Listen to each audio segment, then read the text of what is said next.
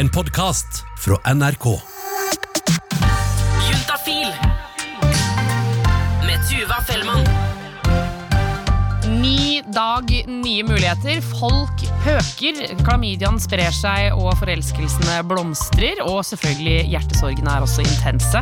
Eh, Juntafil er selvfølgelig på plass for deg, og jeg heter Tuva Fellmann sammen med Remi Horgard. Og Remi, jeg aner ikke hva vi skal i dag. Nei, Det blir litt apropos hjertesorg, kanskje, men også Oh. hakket etterpå. Vi skal høre om eh, Vilde og uttrykket 'å komme seg tilbake på hesten'.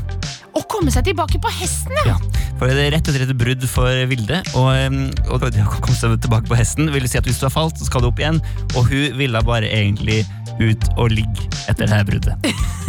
og så skal vi til uka der Vilde hadde bestemt seg for at du skulle tilbake på den hesten. Eh, og det her, det her er forresten en toakter. Eh, er du klar for akt én? Ja, altså, eh, I aller høyeste grad. Jeg er klar for både hest, akt og Vilde.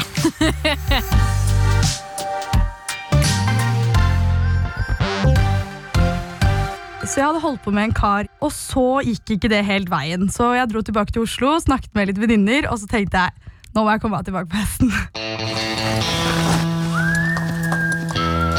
Det er på tide å starte på'n igjen. Um, så vi drar ut sammen. på møtet er venninnen min, og hun har vært på julebord med mange av hennes, eller hele hennes vennegjeng. Og der er det en kar som jeg har ligget litt med tidligere, så jeg tenkte yes, da kan jeg bare gå tilbake til han. Og så sier hun sånn Nei, du, han er på et litt eh, dårlig sted akkurat nå.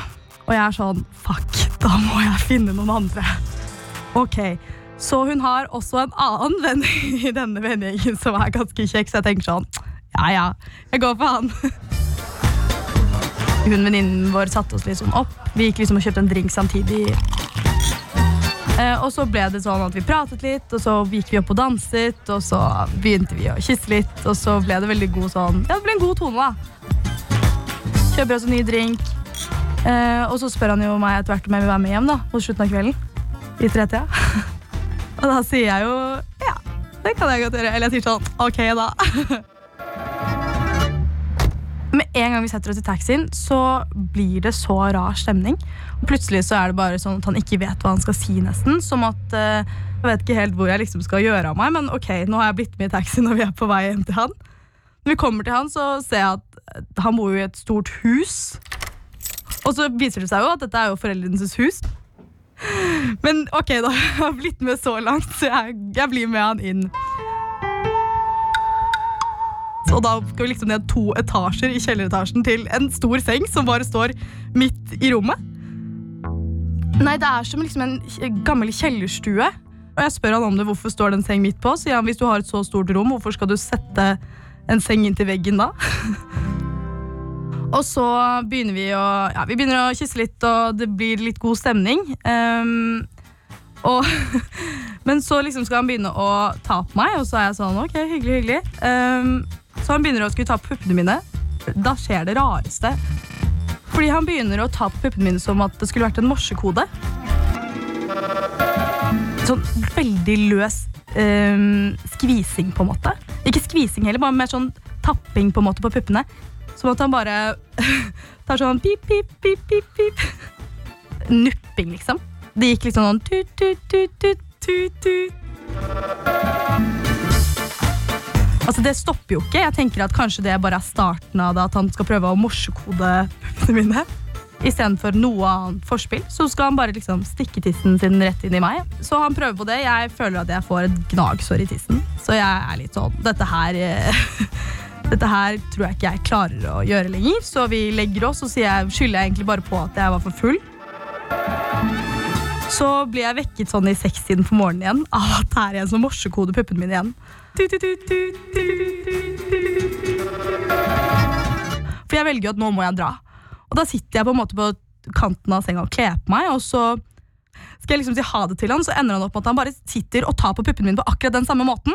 Så, um, så skal jeg gå, og så sier han bare sånn Ja, bussen er ute og opp der. Og så er jeg sånn Ja, ok. Men du kom ikke, du kom ikke tilbake på hesten? skal du si. Eh, Jeg kom jo ikke tilbake på hesten i det hele tatt. Altså, det er ganske Det morsekodekjøret, Remi. Ja, det var noe nytt. Det er. Det var noe nytt, ja! Det syns jeg var spennende. Jeg blir jo sånn Herregud, skriver han noe på puppene hennes? Kanskje en slags beskjed. Ja. Det ble i hvert fall ikke en helt vellykka tur tilbake på hesten. Nei, absolutt ikke. Um, men hennes venninne har råd. Men jeg ble tvunget med på en hyttetur etter dette her, da. Så nå skal Vilde tilbake på hesten. Er du klar for akt to? Altså eh, Ja, det er jeg. Det har altså ikke gått en uke engang før Vilde blir invitert på hyttetur med venninna. Og hennes kompis og hennes kjæreste, så det måtte jo skje der, på en måte. Det var vellykka, eller? Ja, det var, Eller til en viss grad. Det var jo ikke helt vellykka, det heller. Eh, Vi ender jo opp med å dra på en hyttetur, og dette er jo veldig morsomt fordi min venninne fant kjæresten sin på backpacking. Så han er jo faktisk en uh, sørafrikaner som bor i Australia. Det er en veldig hyggelig fyr, og han har jo også da en kompis som bor i England. Så han kompisen fra England begynte å besøke da de i Oslo, og så valgte vi at vi skulle dra på en hyttetur. Og dette var vel en uke etter denne morsekode-episoden, så jeg tenkte sånn, dette her, nå må det i hvert fall kunne bli bedre. Og alt lå til rette for at Vilde skulle gjøre et framstøt mot han her sørafrikanske kompisen som bor i England. Så endte jo vi opp med å bare bestemme oss for at uh, skal, vi, skal vi bare ligge den helgen her, uten at vi egentlig hadde hooket eller noen ting. Sa, sa du det, liksom? Ja, jeg spurte han sånn, fordi vi skjønte hva som liksom skulle skje begge to. Det var ganske tydelig, så jeg sa til han mens vi tok en sigg utenfor hytta, så er jeg sånn Oh, it's a really nice cabin, isn't it? Og så var han sånn, ja, ja, det er det. Og så var jeg sånn, well, should we just skip like making our beds and just share one for the whole weekend and just have great sex?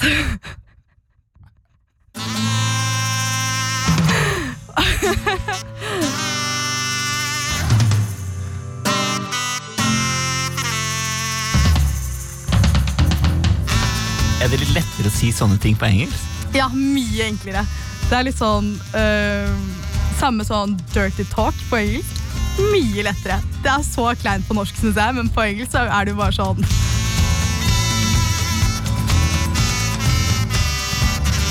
Det er litt annerledes sex synes jeg, enn det mange andre norske gutter har. De er kanskje litt sånn jeg vet ikke, Kanskje det bare var han, men jeg følte at han var litt sånn øh, mer hardere i senga, hadde litt mer erfaring enn mange av de øh, Eller kanskje ikke erfaring, men hadde prøvd mye rart. da verste var egentlig det at han hadde veldig, veldig stor penis.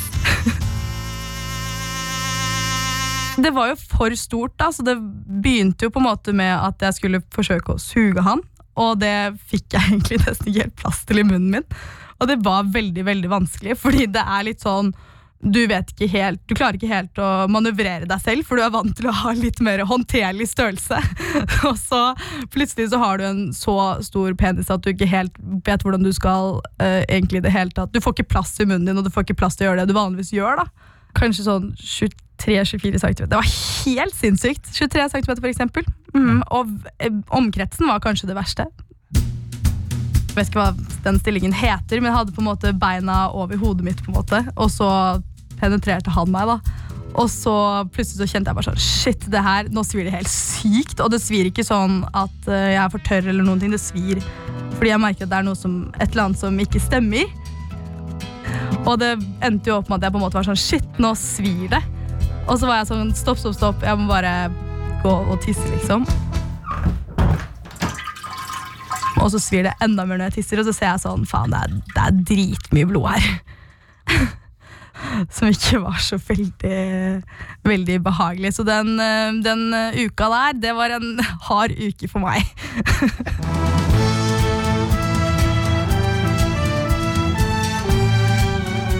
Følte at du kom tilbake på hesten. da. Ja, på ingen måte, egentlig. Jeg ble litt sånn avskrekket fra hesten. Så det har jo bare endt opp med at uh, nå har jeg holdt meg litt unna i ettertid. Ja, nå har jeg gått litt avholds de siste tre månedene, eller hva det er. Kanskje jeg kan håpe på neste gang litt mer normal sex. jeg tror kanskje at det var en litt sånn uh, hva skal jeg si, forhastet beslutning fra min side. Fordi jeg kanskje var litt sånn Jeg var ikke helt klar til å egentlig gå inn i noe nytt, og så i tillegg så får jeg hopper jeg på hesten og får en dårlig opplevelse. Um, og det tror jeg Da tror jeg man heller skal vente og heller ha sex med noen man har litt mer lyst til å ha sex med. Men samtidig, noen ganger så kan det gå veldig bra. Det har jo gjort det tidligere.